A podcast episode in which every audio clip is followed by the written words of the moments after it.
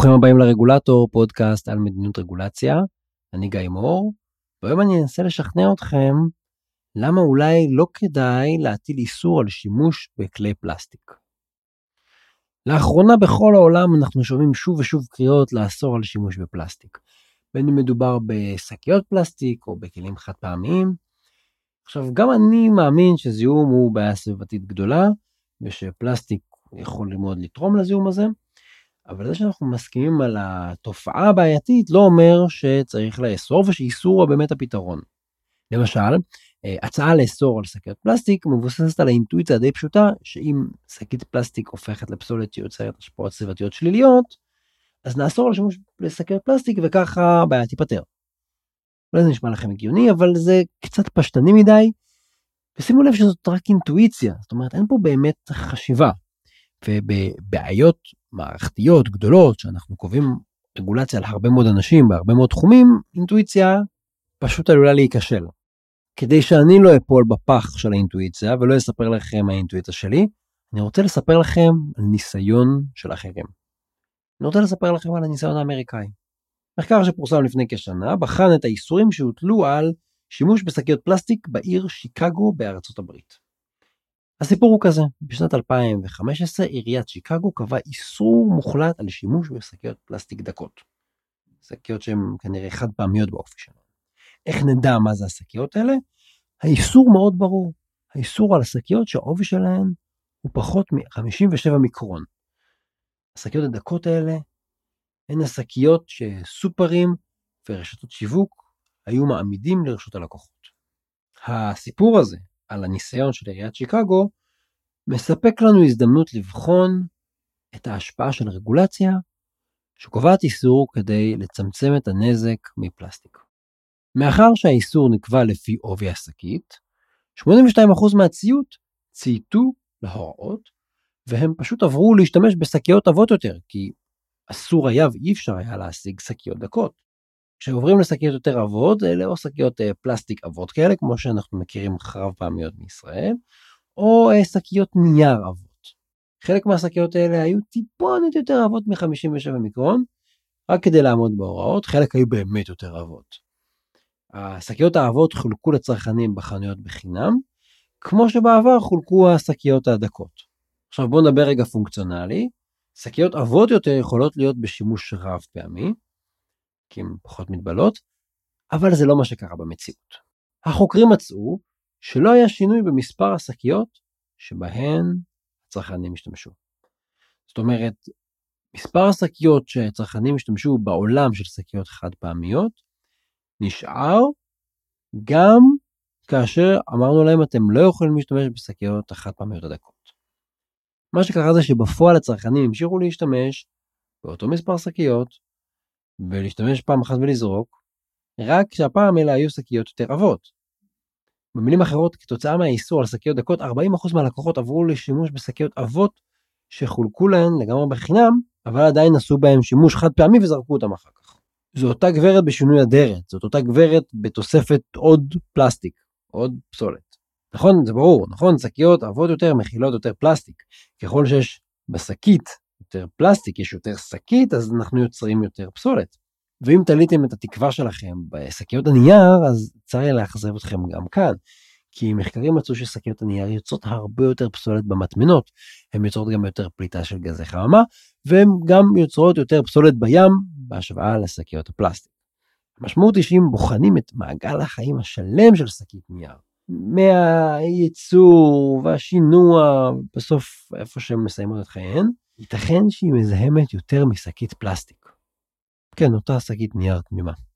במחקר של הרשות להגנת הצרכן של דנמרק, צריך להשתמש בשקית נייר 43 פעמים כדי שהחתימה הסביבתית שלה תהיה כמו של שקית פלסטיק חד פעמית. ועוד לא דיברנו על זה ששקיות פלסטיק הן תוצר לוואי של זיקוק נפט, שממילא קורה היום, אז אנחנו מייצרים אותן על הדרך, בעוד ששקיות נייר מצריכות כריתת עצים ותהליכי ייצור ייעודיים רק עבורם. אז זה מה שגילו בשיקגו, ואז הגיע שינוי המדיניות. עיריית שיקגו בחנה את עצמה, שזה כבר יפה, והיא הבינה שהיא עשתה טעות. ובשנת 2017 היא שינתה את הרגולציה שלה. העירייה ביטלה את האיסור על שקיות פלסטיק דקות, ובמקומו קבעה מס של 7 סנט על כל שקית חד פעמית מכל הסוגים ובכל עובר.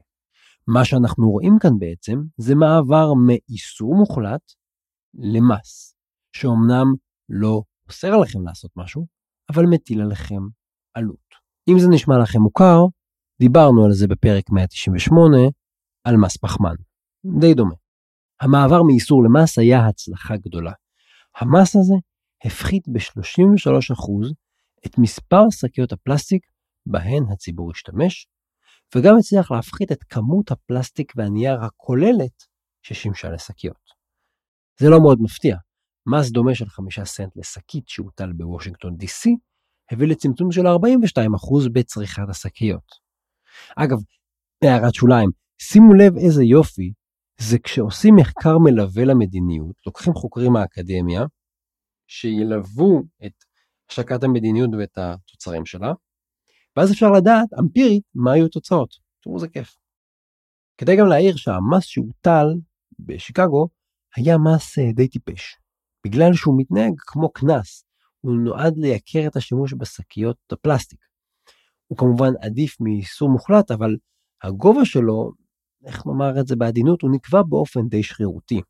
מס חכם יותר יהיה בגובה הנזק ששקית ניילון גורמת, ואז הוא גם יותר הוגן. אם תחשבו על זה, מה המס הזה עושה? הוא אומר, אתה מייצר נזק של X כשאתה משתמש בשקית פלסטיק, ואז גם הייצור שלה וגם כשאתה משליך אותה, אז שלם על הנזק הזה. ואז מה שקורה זה שהוא הוגן כי אני משלם על הנזק שאני גורם, אני לא משלם פחות ואני לא משלם יותר, זה לא סתם איזה מספר שמישהו זרק. ובעיקר, זה מתמרץ אותי נכון. כי אם אני באמת עושה איזה תועלת שימוש מאוד מאוד מועיל בשקית, אני אסכים לשלם. ואם אני עושה שימוש שהוא זניח, אני לא אשלם. אז זה מכוון אותי להשתמש כשצריך ולא להשתמש כשלא צריך. הרחבתי על זה בפרק על uh, מס פחמן, פרק 198, אה, ועדיין, אם נחזור רגע לסיפור של השקיות הניילון, עדיין עדיף מס טיפש על איסור גרוע ולא רלוונטי. ראינו שהאיסור המוחלט נכשל, בעוד שדווקא מדיניות יותר מתונה, שאפשר להגיד שהיא יותר פייסנית, דווקא מדיניות המיסוי הצליחה. והפער הזה בין שתי החלופות האלה בולט בשני מישורים. ראינו גם את הכישלון הכמותי, זאת אומרת האיסור לא הביא להפחתת מספר השקיות, והמס כן. אבל גם יש פה כישלון איכותני, כי ראינו שהאיסור הסיט את צריכת השקיות לשקיות יותר מזהמות, שקיות שיש בהן יותר פלסטיק או יותר נייר. אז בעצם ראינו פה שינוי איכותני בסוג השקית, הגדלנו את כמות הפסולת גם. בואו נעשה עכשיו זום אאוט ונראה איזה שיעורים עקרוניים אנחנו יכולים ללמוד מהניסיון של עיריית שיקגו. אני מזהה כאן ארבעה שיעורים. אחד, יותר חזק זה לא בהכרח יותר טוב. אם קבענו איסור חמור ומוחלט, אולי זה נשמע טוב. אולי זה גורם לנו להרגיש טוב כמקבלי החלטות. אבל זה לא ערובה להצלחה. חוץ מזה, רגולציה ממשלתית צריכה להיות המינימלית ככל שניתן. כי תמיד יש השפעות שאנחנו לא נצטרך לצפות מראש, אז אנחנו צריכים לעשות את המינימום האפשרי כדי להשיג את המטרה, ולא את המקסימום. שיעור שני, עדיף לעבוד עם תמריצים ולא עם מגבלות. תראו, הכי קל לנו לדמיין חוק שאומר שאסור לעשות משהו, או שחייבים לעשות משהו. הכי קל לקבוע את האמירה הזאת. אל תעשו את זה. אבל בדרך כלל זה לא עובד. אנשים משנים את ההתנהגות שלהם בגלל זה, אנשים מנסים לעקוף את האיסור.